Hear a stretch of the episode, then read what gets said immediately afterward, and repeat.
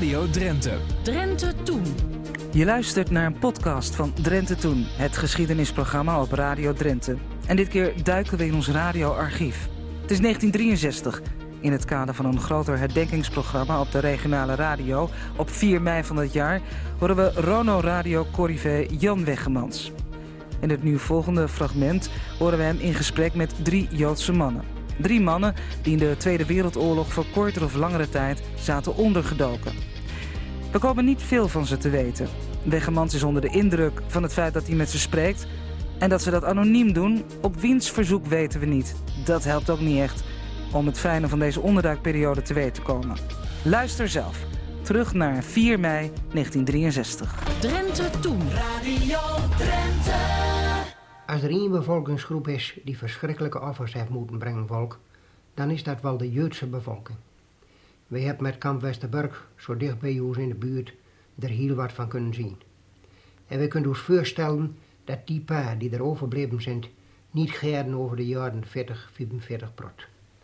En daarom stellen wij het heel erg op prijs dat wij drie van de Joodse bevolking vinden hebt die bereid waren om vanavond met ons over die jaren te praten.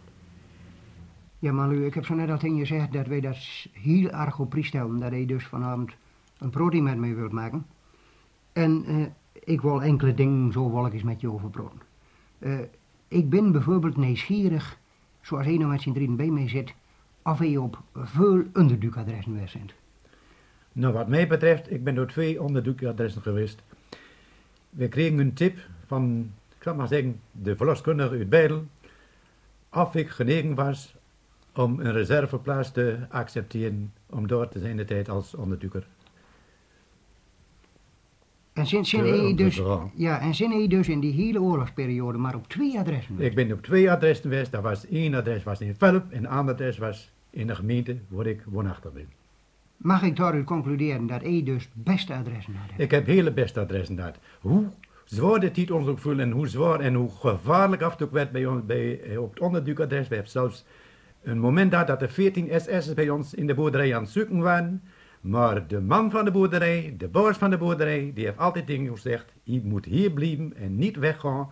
Ondanks het feit dat wij van politiezijde nog een tip kregen. Maak dat je wegkomt, want je staat op de lijst om gepakt te worden. En nee, zijn hij, zijn hij ook op veel? Ik ben maar op één adres geweest weggegaan. Maar op één? Ja, één. En het tweede adres, dat was tijdelijk episch een paar maandjes. Maar de grootste tijd dus ook Grootste tijd op één. één maand, van januari 42, van augustus 42 tot en met januari 44. Nou ja, dat, dat was dus ook goed. Ja, ja toen kregen we een overval, dus toen moesten Toen we moesten voor. Toen moesten we voor. En hoe is het met jou geweest? Ja, ik heb in het kamp gezeten van eh, augustus 42 tot de bevrijding aan toe.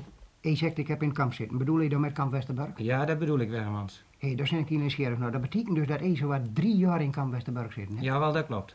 Direct daaraan eh, komt er ook een vraag bij mij op.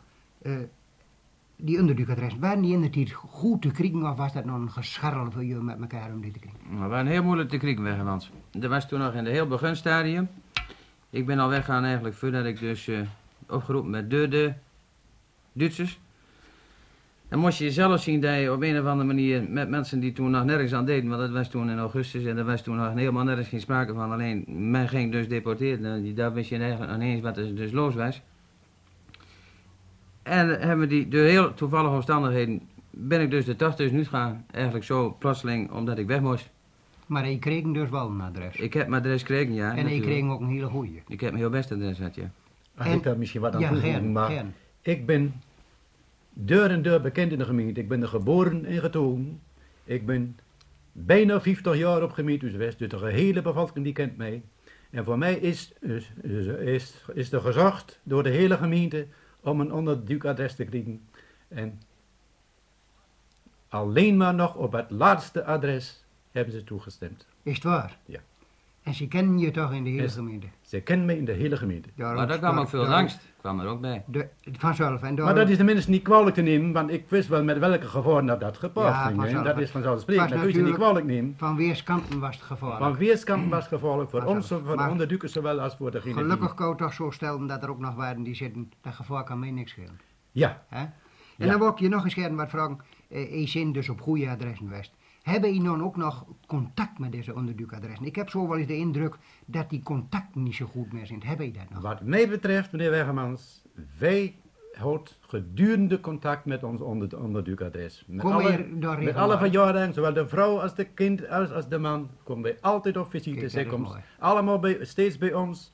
Zij brengt ons nog cadeautjes, wij brengen haar cadeautjes. Zo, en zo, houden wij altijd nog Dat contact gedurende met haar. Jazeker. Hebben je ook nog contact? Ja, wij nog ontzettend veel. Heel Ja, veel zelfs, ja. Ik kom Gelijk terug- als familie, we komen er heel veel. Ja, hè? Ja. En bedankt, eh, het moet je ook deugd doen als je weer bij zulke mensen komt.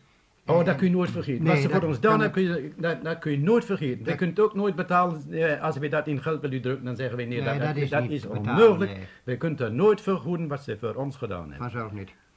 En, en ik wil je nog wat vragen. Eh, wat meen je, is de jeugd van tegenwoordig, is die nog voldoende inlichten over die periode 40-44?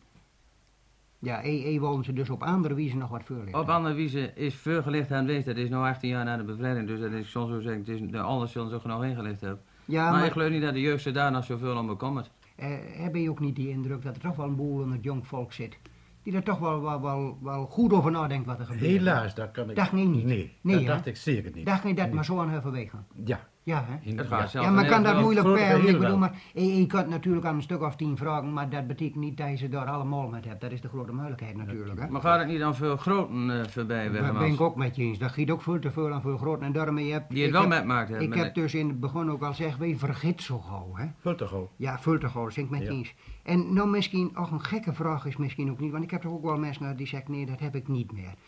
Zoals één nou hier drie bij mij zit, heb je nou met een drie nog een uitgesproken haat en die zou je ook nooit kwijt worden tegen de Duitsers.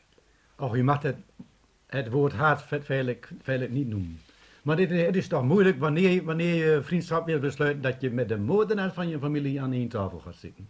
Dat kan ik toch niet doen. Wat, wat, wat zeg je daarvan? Ja, ik vind het wel erg moeilijk. En ik meen altijd dat men, zoals het gezegd wordt, niet generaliseren mag. Dat is mijn persoonlijke mening. Ik bedoel, tussen slechten zijn ook altijd weer goeden.